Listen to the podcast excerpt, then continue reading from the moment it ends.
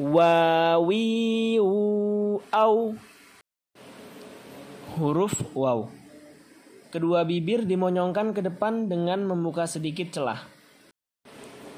Wawi au